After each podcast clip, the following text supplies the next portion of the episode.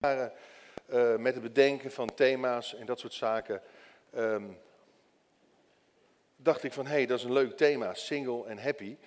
Uh, laat ik uh, Willem-Jan vragen om, om dat te behandelen. Maar Willem-Jan die zei nee, dan mag je zelf gaan doen. Ik zei, nou, dan ben ik ermee opgeschreven. Moet ik met dat thema, single en happy. En, en wat heeft de Bijbel daar nu over te zeggen? Um, en ik ben daarover na gaan denken en ik dacht van ja, er is toch wel wat over te zeggen. En natuurlijk wil ik het ook in een wat breder verband gaan plaatsen.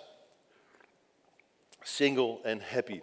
Vorige week heeft Willem-Jan trouwens eh, een heel mooi verhaal verteld, heel mooi gepreekt ook over de waarde van vriendschap en de verschillende niveaus van vriendschap.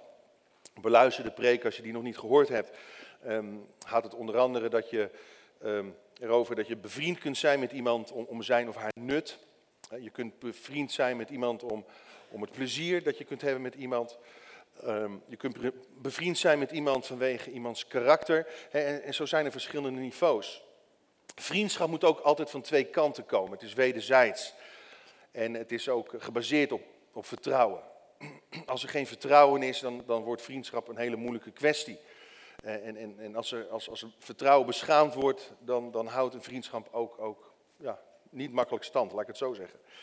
En dus er is ook een, een, diepere dimensie die we nodig hebben in onze relaties, in onze vriendschappen. En dat is de dimensie van, van de Heilige Geest, van de derde koord, van God die erbij komt.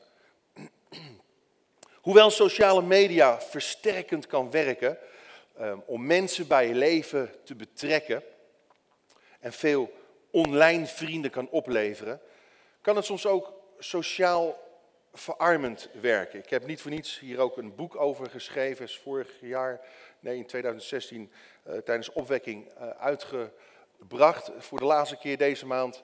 Het is geen Black Friday meer, maar uh, voor 10 euro kun je dit boek verkrijgen. De winkelwaarde is 15 euro. Ik verdien er helemaal niks, niks op. Hoeft ook niet, maar het is wel een boodschap in dit boek, wat, wat, wat denk ik heel actueel is en relevant is voor heel veel gezinnen, heel veel eh, mensen, jong en oud. In ieder geval zijn we steeds meer op onszelf gericht. Misschien ook juist wel door sociale media of zoeken we elkaar uh, minder snel live op. We praten ook niet voor niets over uh, een selfie-generatie waarin, ja, waarin we opgroeien. Maar lees u mee en luistert u sociale media zouden gebruikt moeten worden, en vult u ook in, om in echte betekenisvolle relaties te voorzien. Niet om ze te vervangen. Niet om ze te vervangen. Als je echte relaties gaat vervangen, dan loop je de plank mis. Een professor in de technologie waarschuwt voor de gevolgen van het minder lijf met elkaar praten, het minder lijf met elkaar in contact komen. Ehm, het blijkt dat mensen elkaar liever berichtjes sturen, appjes, dan dat, ze, dan dat ze echt lijf met elkaar praten en oogcontact zoeken. En, en op zich is daar aan zich niets mis mee. Toch moeten we alles op alles zetten om niet toe te geven, om echte gesprekken uit de weg te gaan. Of om echte gesprekken half te voeren, zo met één oog op je schermpje. Ken je dat? Je bent aan het praten met iemand, aan het koffie drinken of aan het eten. Ja, ja. Daar moeten we voor, waken, zegt, zegt deze, uh, deze professor. Ik denk ook zeker dat het geldt voor gezinnen. We moeten, we moeten grenzen aangeven. Ook aan onze kinderen, aan onszelf. Uh, soms zijn mijn kinderen niet degene die met hun digitale devises uh, aan tafel schuiven, maar ben ik dat zelf om toch nog even te appen, te mailen, weet ik veel wat allemaal. Maar we moeten grenzen vastleggen. Van hé hey, jongens, aan tafel geen digitale apparaten. Die zijn niet welkom. Nu even niet. Uitzetten die, die, die hap. Soms word je helemaal gek van al die pinggeluidjes en toestanden. Maar haar belangrijkste argument um, professor Turkel heet, die mevrouw, uh, hiervoor is dat echte gesprekken bijdragen aan de ontwikkeling van empathisch vermogen. dus dat je, dat je kunt invoelen uh, in, in de situatie, in het leven van een ander. En ze schrijft Het is juist tijdens dit soort gesprekken, dus de lijf-oog-contactgesprekken, waarin we leren om oogcontact te maken, waarin we ons bewust worden van iemands houding en intonatie, we elkaar geruststellen en met respect uitdagen.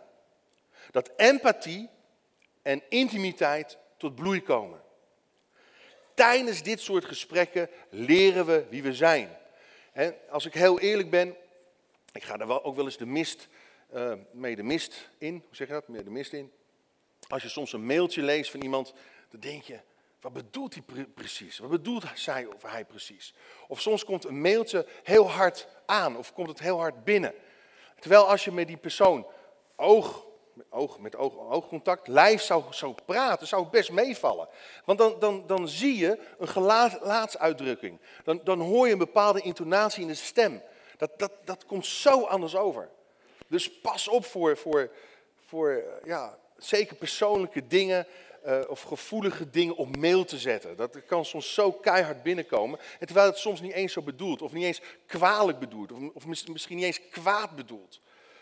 En ze zegt ook dat hoe meer mogelijkheden er tot, tot interactie zijn in de digitale wereld, hoe groter de kans juist op vereenzaming. Hoe groter de kans is dat mensen zich eenzaam gaan voelen. En u kent allemaal wel de slogan, digitaal contact is mooi. Maar echt contact is mooier. Laten we even kijken naar een WhatsApp gesprek tussen een moeder en dochter.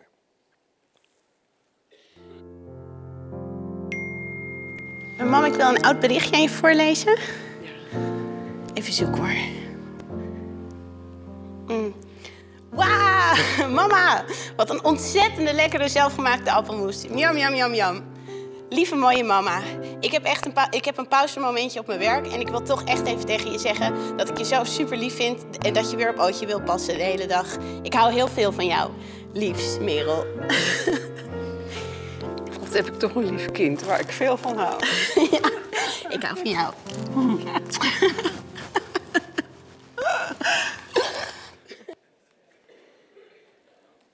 ja. Hè? In deze hashtagje Instafam-serie willen we de filters over familie, relaties weglaten. Het photoshoppen willen we even uitschakelen en inzoomen op de ruwe werkelijkheid van het leven. We zijn om te beginnen ingegaan op foute familiefoto's. Er is geen foto die perfect is, maar ook geen foto die voor God onherstelbaar is. We hebben gekeken naar wat de Bijbel zegt over pijlen van helden. En, en, en ik geloof dat je sowieso een held bent als, als, je, als je kinderen opvoedt. Of als je een geestelijke uh, moeder of vader wil zijn voor, voor kinderen.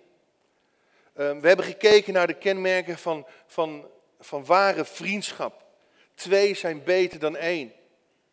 En vandaag scannen we in op wat de Bijbel zegt over single zijn of, of niet. Hashtagje single en happy. Luister goed, in Nederland zijn er op dit moment 3 miljoen alleenstaanden. 3 miljoen. En dat wordt naar verwachting zo'n 3,4 miljoen in 2030. Uh, hoogleraar sociale demografie Jan Latten, hij stelt dat in 2050 ongeveer de helft van de Nederlanders een single bestaan heeft. Dat is een enorme uitdaging hier voor de kerk. En, dit heeft meerdere redenen. Het heeft ook in het Algemeen Dagblad gestaan. En zo switchen jongeren ook veel gemakkelijker van partner dan pakweg 50 jaar terug. Uh, jongeren hechten zich minder snel, binden zich minder snel. Uh, of wachten af, of willen eerst studeren, carrière maken en dan pas. Dat, dat is een, een van de redenen. En uiteraard zorgt ook de vergrijzing voor meer oudere singles. En mocht u nu denken dat singles zijn de nieuwe norm gaat worden, dan heb je het volkomen mis. Want meer dan 2 miljoen singles zijn massaal aanwezig op online datingsites. Dus zo happy is niet iedereen met het leven als single. Laten we eerlijk zijn. Maar wat zegt de Bijbel hierover? De apostel Paulus, hij legt hier absoluut geen filter over. 1 Korinthe 7, vers 26. Daar staat, ik meen dat het vanwege de huidige beproevingen voor een mens goed is te blijven wat hij is. Hebt u een vrouw beloofd met haar te trouwen, verbreek die belofte dan niet. Bent u niet gebonden aan een vrouw, zoek er dan ook geen. Het is weliswaar niet zo dat u door te trouwen zondigt. Sommige mensen in Korinthe in die tijd dachten van nou, als ik, als ik ga trouwen, dan, dan ga ik zondigen. Want ik mag, mag, mag geen seksuele verlangens hebben. Nee, hij zegt dat is prima. Het is beter te, te, trouwen dan van begeerte te branden, zegt Paulus ook in die context. Maar hij zegt ook, wanneer een meisje trouwt, zonder ze niet. Maar het huwelijk wordt een zware belasting die ik u graag zou besparen. Ja, ik zeg met een glimlach, maar ik bedoel er verder niks mee hoor, Angelique.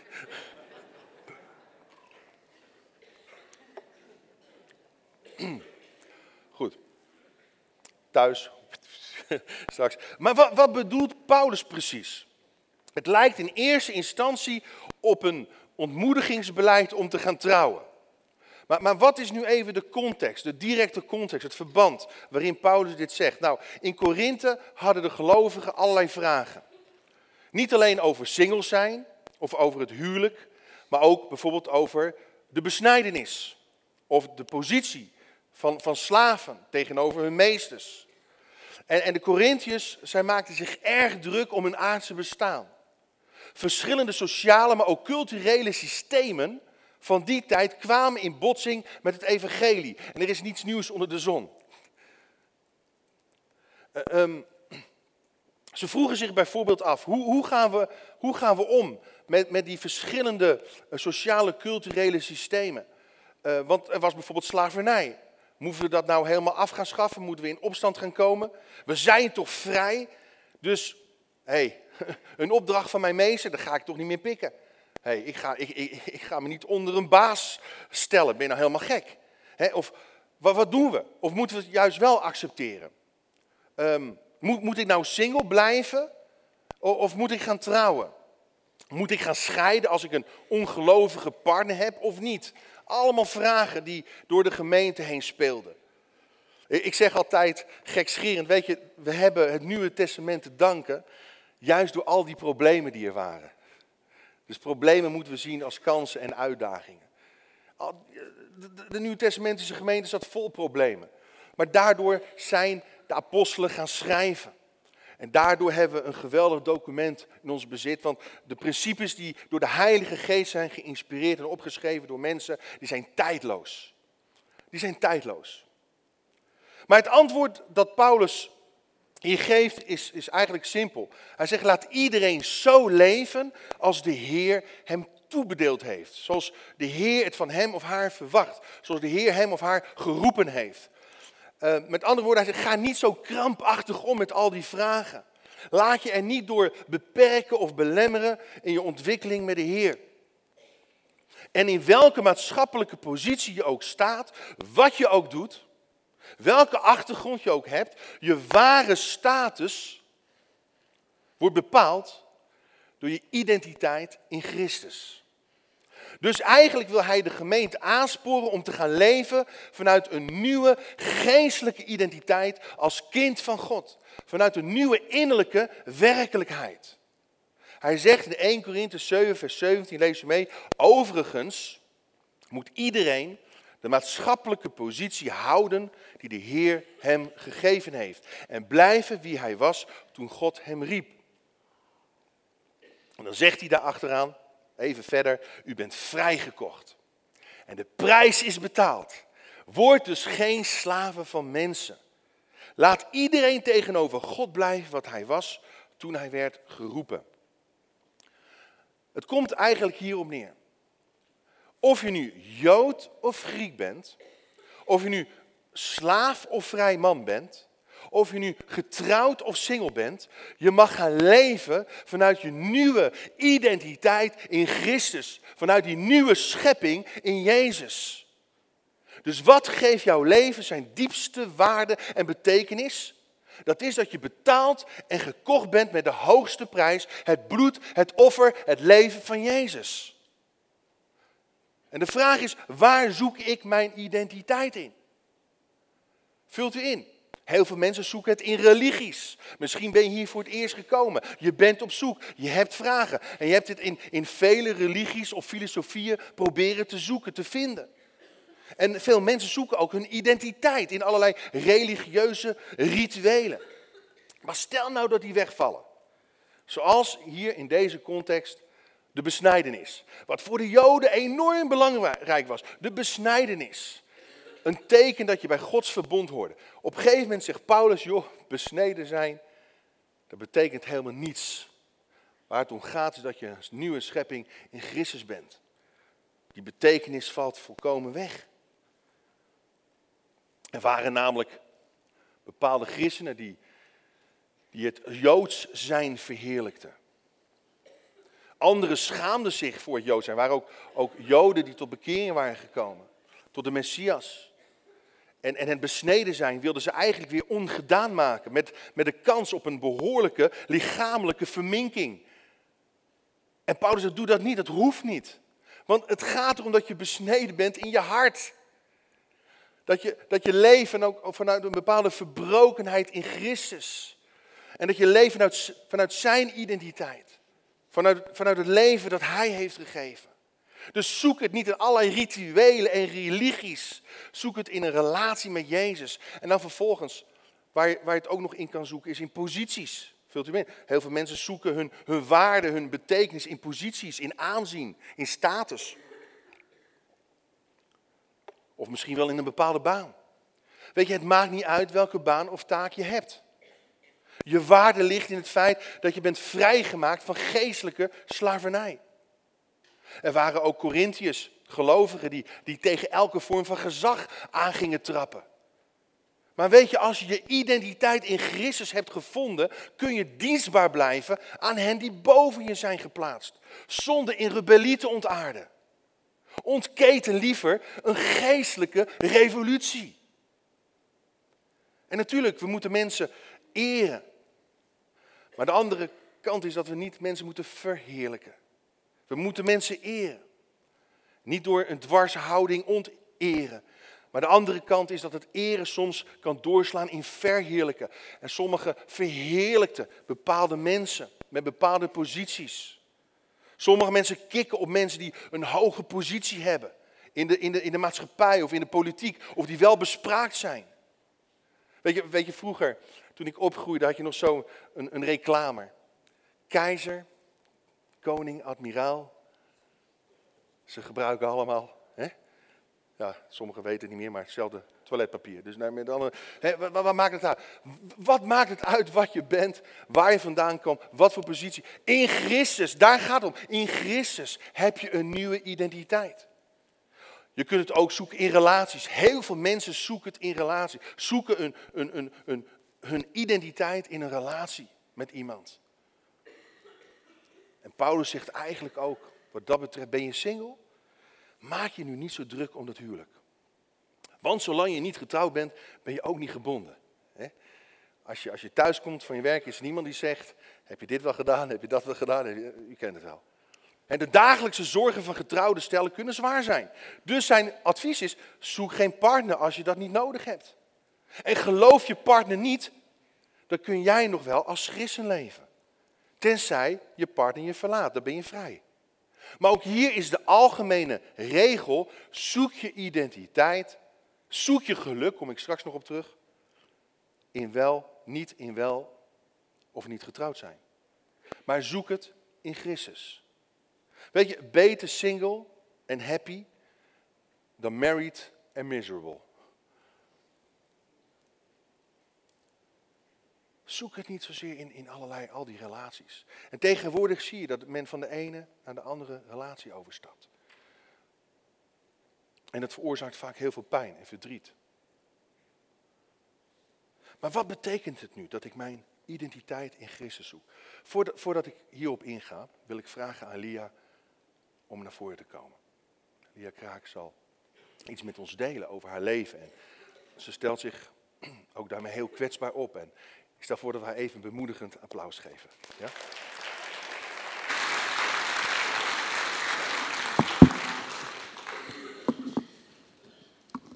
Nou, goedemorgen. Oh, staat hij aan?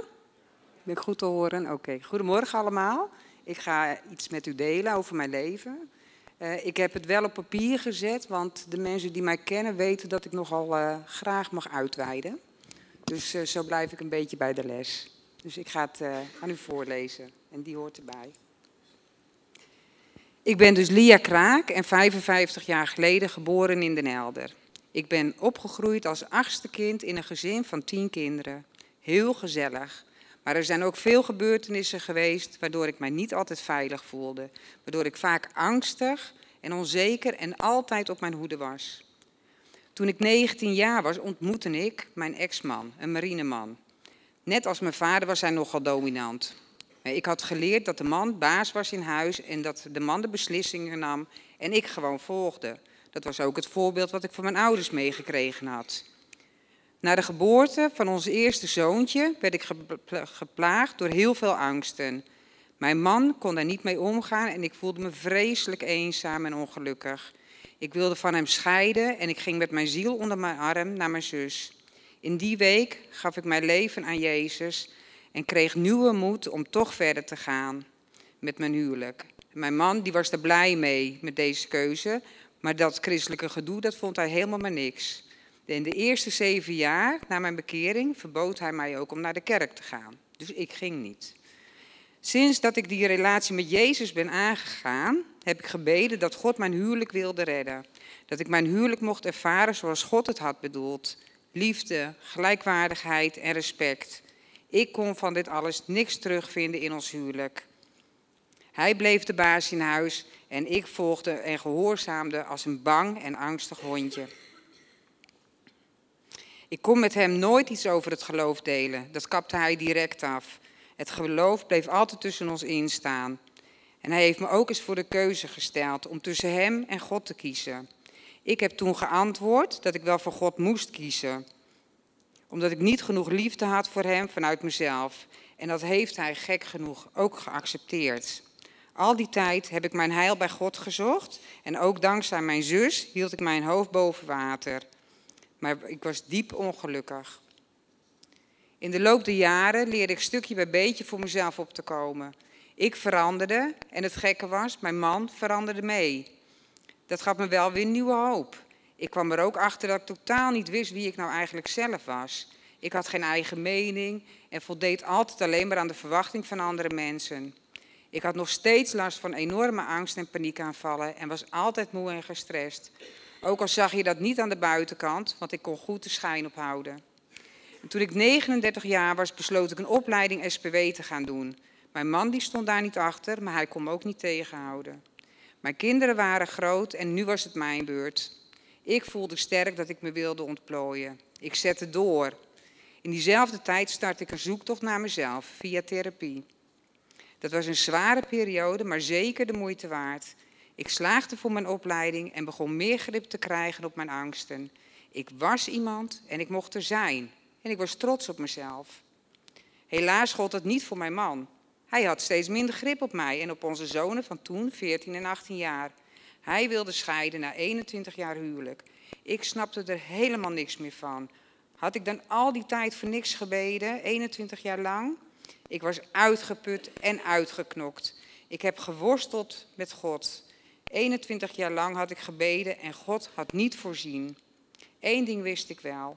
Als ik moest kiezen tussen een scheiding of mezelf verliezen, dan koos ik toch liever voor de scheiding. Want ik had mezelf nu eindelijk gevonden en ik wilde mezelf nooit meer kwijt.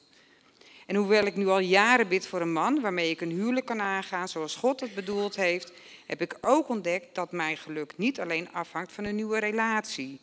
Mijn verlangen is er nog steeds en hoewel mijn gebed nog steeds niet verhoord is, besef ik wel dat ik veel meer gekregen heb dan ik ooit had durven hopen.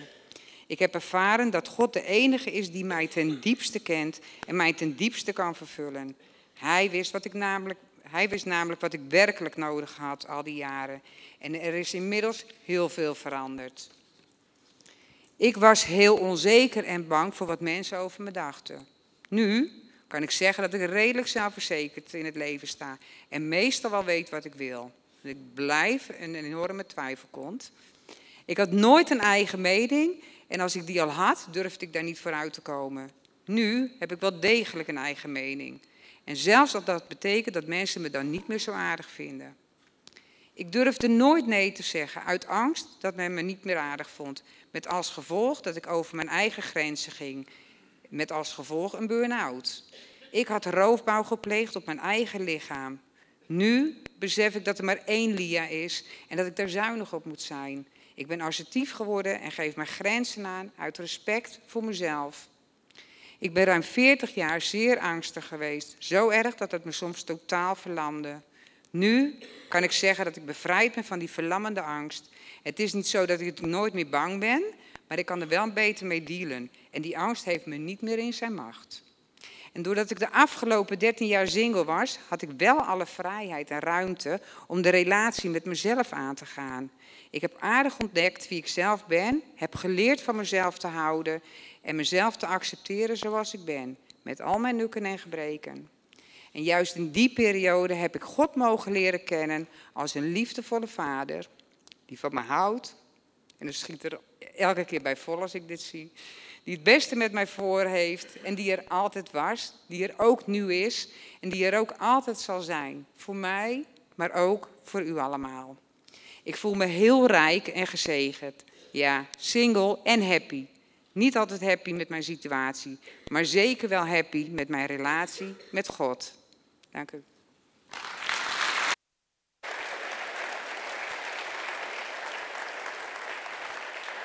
Bedankt. Bedankt, Lia. Wat betekent het dat ik mijn identiteit in Christus zoek? Allereerst, hashtagje 1. Uh, ik ga wijs om met de tijd die nog rest door mijn leven af te stemmen op Gods tijdklok. Door mijn leven af te stemmen op Gods timeklok, tijdklok. Paulus zegt in Efeze 5 vers 15, let er dan op dat u nauwgezet wandelt. Niet als dwazen, maar als wijzen. En buit de geschikte tijd uit, omdat de dagen vol kwaad zijn. Eigenlijk zegt, Paulus hier dat we de tijd moeten loskopen uit de macht van de boze, de macht van het kwaad. En Paulus hij verwijst naar kooplui die op het juiste moment letten. Het juiste moment om de concurrent met de beste prijs een slag voor te zijn. Hij gebruikt in zekere zin een, een handelsterm. En zoals op Black Friday iedereen zijn slag probeert te slaan,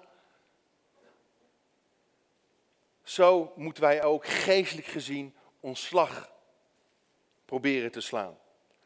Tijdens deze week, afgelopen week, stuurde iemand mij de volgende foute foto op. Kijkt u eventjes.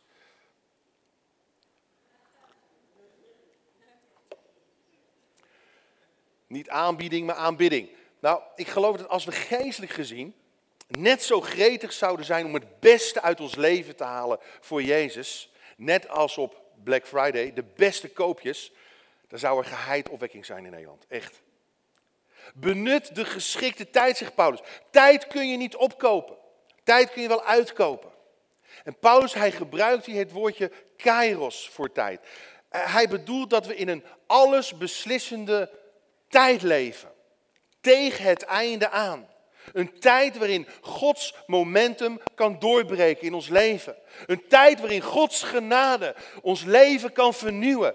Waarin Gods liefde ons leven kan veranderen. Waarin vrucht, groei en leven en verandering als nooit tevoren mogelijk is gemaakt. En de Grieken, zij kenden eigenlijk twee soorten tijd. Vult u in. Zij kennen de kairos-tijd en zij kennen de chronos-tijd. Kairos, dat betekent de beslissende, oftewel de bestemde tijd.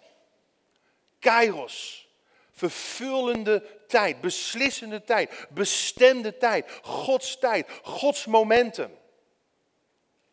Het reilen en zeilen van deze kosmos, deze wereld gaat voorbij. Het huwelijk gaat voorbij.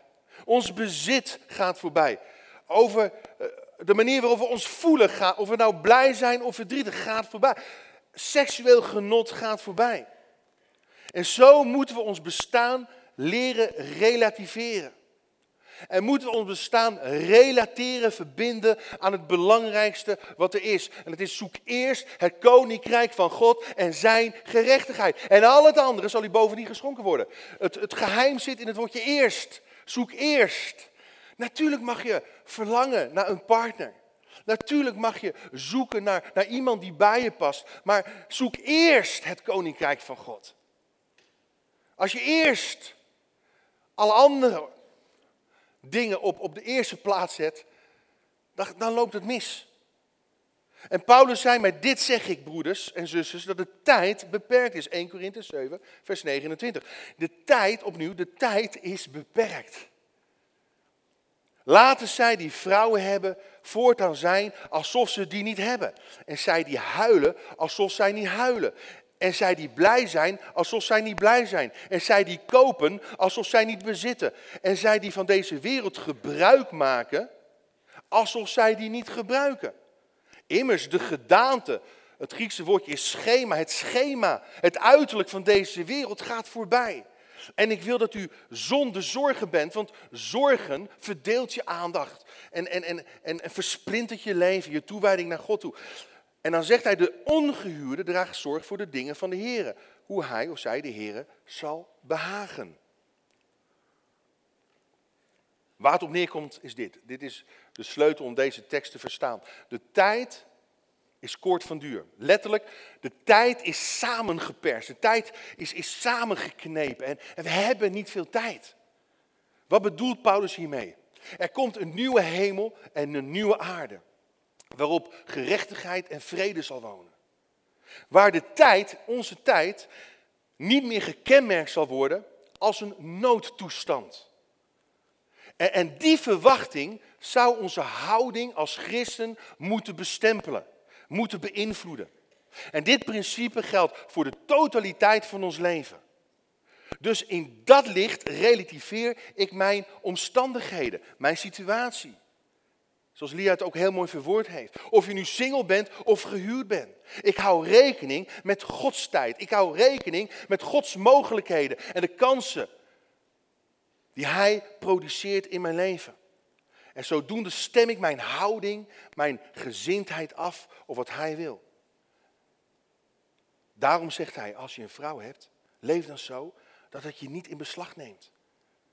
Je kunt zo in elkaar opgaan. Dat, dat Christus en zijn komende rijk van hun plaats gedrongen worden in je leven. Of je kunt zo in beslag genomen worden door allerlei spullen en, en, en, en gadgets en, en dingetjes. Op zich niks mis mee, maar allemaal misschien wel goede dingen. Maar het kan het beste wat God voor je heeft, misschien wel uit het oog verliezen. Hoeveel tijd breng je door met je verdriet? Of met je blijdschap? Hoeveel tijd breng je door met je bezittingen, met je relaties? Allemaal goed en nodig. Geen waardeoordeel. Maar als het ten koste van je relatie met God gaat, dan is het niet goed. Dan leef je alsof de huidige structuur een blijvende structuur is. De huidige wereld een blijvende situatie. En dat is niet zo. Weet je, we hebben allemaal dezelfde hoeveelheid tijd ter beschikking. 168 uren in de week. En toch ervaren heel veel mensen de tijd als iets dat knaagt. Als iets, iets dat wegvreet. En het is heel opvallend, want de Grieken, de oude Grieken, zagen de tijd als een godheid. Weet je, voor, de Grieken was tijd geen neutraal gegeven. Het is best wel interessant dat, dat Paulus dan ook dat, dat woordje gebruikt, eigenlijk dat concept, concept gebruikt en dat verwerkt in, in, in zijn brief en, en verwerkt in, in de context van wat God wil doen hier op aarde. Maar, maar de naam die ze aan deze tijd gaven, aan deze godheid, was Chronos. Ik weet niet als u nog zo'n horloge hebt. Eh, ik had vroeger zo'n horloge en er stond chronologie op. Chronos, chronologische opeenstapeling van gebeurtenissen, van, van dingen. En, en de Chronosgod, deze tijdgod, was een, een God die eiste. Een God die een verslindend karakter had. Uh, vult u in, lees u mee. Chronos, dus opeenstapeling van tijd, is verslindend in essentie. Dat is de gedachte. De tijd knaagt. De tijd eet, eet als het ware ons leven op. Het vreet ons op. En het mooie is dat deze afgod gezien werd als een vrede God die bekend stond als degene die zijn eigen kinderen opvrat. Hebt u wel eens van, van die muisjes gehad? Van die muisjes als huisdier? Je hebt wel zo'n muis. Of van die ratjes als huisdier gehad. Ik heb, vroeger had ik van die, ja, ik vond het zo verschrikkelijk. Hè? Zodra die moeder die kindertjes kreeg, die babytjes, had die moeder, dat klopt toch? Ja, die, die, muizen van ons wel. Die vraten gewoon hun eigen kinderen op. Vreselijk. Maar in feite, de, de Chronos-God stond bekend als de God die zijn eigen kinderen opvreet. Dus, luister goed. Alles wat deze God aantreft, vreet hij op met huid en haar. En wij ervaren het ook zo, figuurlijk gezien, de verslindende werking van de tand destijds de verslindende werking van de tanden zijn. Had ik maar de tijd. Waar blijft de tijd, zeggen we dan. Dus de tijd is niet alleen vreed, het is ook een opeenstapeling van tijd. Dus met andere woorden, het leven kan in die zin ook een sleur zijn. Een sleur. Zonder bestemming, zonder diepte, zonder inhoud. Maar gelukkig is er een ander soort tijd ons bereik binnengekomen. Want als Jezus zijn bediening begint, lees u mee, dan zegt hij, de tijd is vervuld en het koninkrijk van God is aangebroken. Bekeert u en gelooft het evangelie. Waarom? De tijd is vervuld. Kairos. Kairos komt in de plaats van chronos binnen in je leven. Een vervulde tijd, een bestemde tijd, een geschikte tijd. De tijd van Gods genade is nabij. Dus bekeer je nu het nog kan. Verander je levensoriëntatie nu het nog kan. Hier wordt dus het woordje kairos weer gebruikt. Geen verslindende tijd, maar bestemde tijd. Geen algemene tijd, geen verloren tijd, maar beslissende tijd. Weet je, ten tweede, waar het om gaat is deze. Hashtagje 2. Ik zoek mijn geluk primair in mijn toewijding aan Christus door online te blijven. Ik zoek mijn geluk primair in mijn toewijding aan Christus door online te blijven. In verbinding met Hem te blijven. Noem het in Hem blijven. Maakt niet uit. Tegenwoordig zeggen we gewoon online. Log niet uit, blijf online. We zijn dus op weg naar het einde. Even in de context weer van, van, van single en happy. We zijn op weg naar het einde. Um, gehuurd of niet gehuurd. De komst van Gods koninkrijk op aarde is nabij. En Paulus zegt heel duidelijk dus, het uiterlijk van deze wereld is bezig te verdwijnen. Gaat plaatsmaken voor een nieuwe hemel en aarde. In, in, in januari zal ik ook, ook spreken over de eindtijd. Hoe, hoe we daar mee om kunnen gaan. Wat het inhoudt, dat soort zaken. Daar ga ik nu niet op in. Maar de wijzers van Gods tijdklok tikken eigenlijk dat uiterlijk van deze wereld weg. Toch leven mensen op aarde alsof ze de aarde bezitten. En alles draait om zo goedkoop mogelijk alles naar zich toe te trekken. Voor een dubbeltje op de eerste rij. Of ze storten zich van de ene relatie in een andere, zoals we al gezien hebben. Om zich happy te kunnen voelen. En, en ik kwam het volgende tegen. Een, een lezing van psychiater Dirk de Wachter. Hij, hij zegt dat we geobsedeerd zijn met geluk. Uh, ik, zal, ik zal hem citeren. We willen dat alles leuk, leuk, leuk is. En het is de ziekte van deze tijd. Hij zegt, we hebben niet genoeg aan het gewone geluk. Nee, we willen zo nodig fantastisch gelukkig zijn. Alles moet altijd fantastisch zijn. En als het niet fantastisch is, dan voelen we ons niet happy. Want dan klopt ons plaatje niet meer ons beeld niet meer. We accepteren geen tegenslag en we filteren onze gebreken weg. We, we photoshoppen onze zwakheden weg. Terwijl Paulus zegt, ja maar juist als ik zwak ben, dan ben ik machtig. Juist in mijn zwakheid kan de kracht van Christus openbaar worden in en door mij heen. Niks wegfilteren. Hij zegt het volgende. Vroeger konden mensen nog uitkijken naar een hemel na dit leven, waar het leven goed en volmaakt zou zijn. Maar dat past niet meer in ons verlicht denken. Nu willen we de hemel hier op aarde hebben. En met onze westerse hoogmoed denken we ook nog dat we de hemel kunnen kopen. Of zelf kunnen produceren. Of zelf kunnen maken. Ja, dat is verdrietig. Veel mensen zoeken hun geluk. In relaties, in posities, in bezittingen. En maken zich daar afhankelijk van. Of ze denken hun eenzaamheid op te lossen door te trouwen.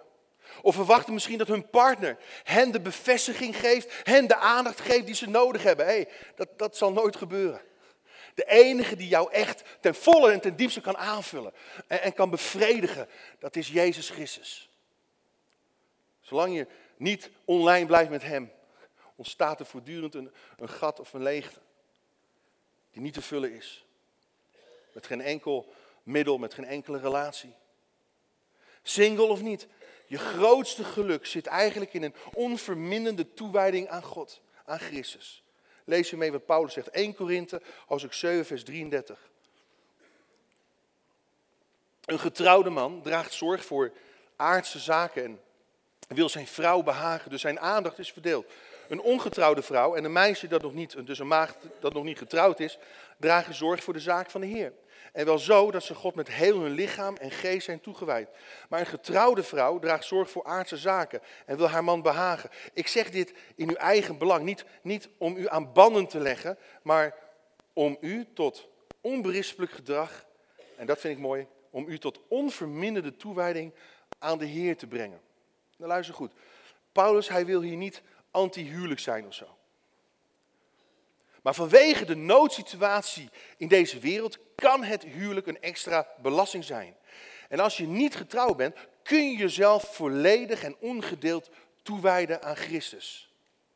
Maar voor het celibaat moet je wel een charisma hebben, zegt hij. Moet je wel een speciale gave hebben. En dat heeft niet iedereen. We hebben er heel weinig. Heb je die gave niet, dan is het misschien beter om wel te trouwen. Waar het eigenlijk Paulus om gaat, is dit. Hij wil de gemeente leiden, gehuurd of ongehuurd, tot een volledig toegewijd leven aan de Heer. Een toegewijd leven plaatst ons leven in een groter perspectief. In een groter perspectief. De ogen des Heer gaan rond over de hele aarde om krachtig bij te staan. Hen, wiens hart volkomen naar hem uitgaan. Weet je, als je je geluk en je waarde zoekt in Christus, dan raakt het je minder als mensen je onrecht aandoen. Of als mensen dingen over je zeggen waartegen je geen verweer hebt. Want je bent geworteld in Christus, in de rots. Je staat op vaste grond. Weet je, je geluk in Christus zoeken, zei iemand uit het zorgteam, is een voortdurend afstemmen op je maker. Een, een voortdurend checken van, hé, hey, kloppen mijn gedachten wel? Kloppen mijn gevoelens wel? Wat, wat heeft mijn schepper over deze specifieke situatie te zeggen? Wat zijn zijn gedachten? En weet je wat zo bijzonder is aan God? God, hij gaf geen, geen dingen in, in een tijd van geen tijd. Hij, hij gaf geen spullen. Hij gaf geen objecten. Hij gaf geen speelgoed. Hij gaf zijn eigen zoon. Het kostbaarste wat hij had. Hij gaf zichzelf als een offer aan het kruis. En zodoende bracht hij een nieuwe tijd. De Kairos-tijd. Die uitziet naar de wederkomst. Chronos-tijd breekt ons. Kairos-tijd heelt ons. En Jezus zei, Johannes 9, vers 4. Zolang het dag is, moeten we de werken uitvoeren van Hem die mij gezonden heeft. Straks komt de nacht. En dan kan niemand meer werken. Nu is het moment. Nu is het beslissende tijd. Nu is het Gods momentum om vrucht te dragen, om te groeien, om jezelf te ontwikkelen in je leiderschap, om jezelf te ontwikkelen in je bediening. Nu is het de tijd om mensen te bereiken met het evangelie. Nu is het de tijd van God, van Gods genade. Weet je, tijd, onze tijd, krijgt hierdoor een nieuwe en diepere dimensie. Tijd is geen snelweg tussen de wieg en het graf. Maar het is de tijd, de ruimte om te investeren in Gods plannen. Om te investeren in Gods doelen. Om te investeren in Gods koninkrijk. Waarom tijd verliezen in een zinloze jacht naar erkenning en bezit of macht en rijkdom? Waarom je een massa zorgen maken om dingen van morgen en overmorgen terwijl je het toch niet in de hand hebt? Waarom je vervelen? Waarom slapen als Gods genade schijnt? Het is nu tijd om op te staan. Het is nu tijd om je te verzoenen met het leven. Met Gods timing, met zijn koninkrijk, met zijn plan en wil en doel voor jouw leven. Te verzoenen met de werken van Gods Zoon. Want dat maakt, was echt happy. Ik wil afsluiten met een citaat uit mijn boek. Vult u in, lees u mee. We zijn pas echt happy wanneer onze, ons selfie leven verandert in een Christus gecentreerd leven. In een leven met Jezus in het centrum. Je zet jezelf niet langer in het middelpunt van het universum, maar je zet Jezus Christus in het middelpunt. Wat is jouw keuze vandaag? Op dit moment zullen we onze hoofden buigen, onze ogen sluiten. Ik wil heel graag in gebed gaan.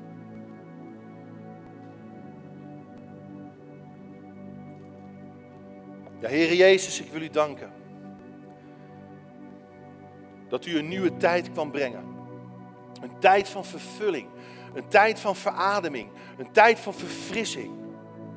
In u mogen wij leven, mogen we zijn, mogen we bewegen. En de tijd die nog rest is kort, is van korte duur. Heer, help ons om wijs met die tijd om te gaan. Dat het geestelijk gezien hier elke dag Black Friday is. Dat we geestelijk gezien elke dag opnieuw ons leven op u afstemmen. Niet op onze eigen comfort, niet op onze eigen gevoelens, onze eigen mening en gedachten, die vaak zo bekrompen zijn.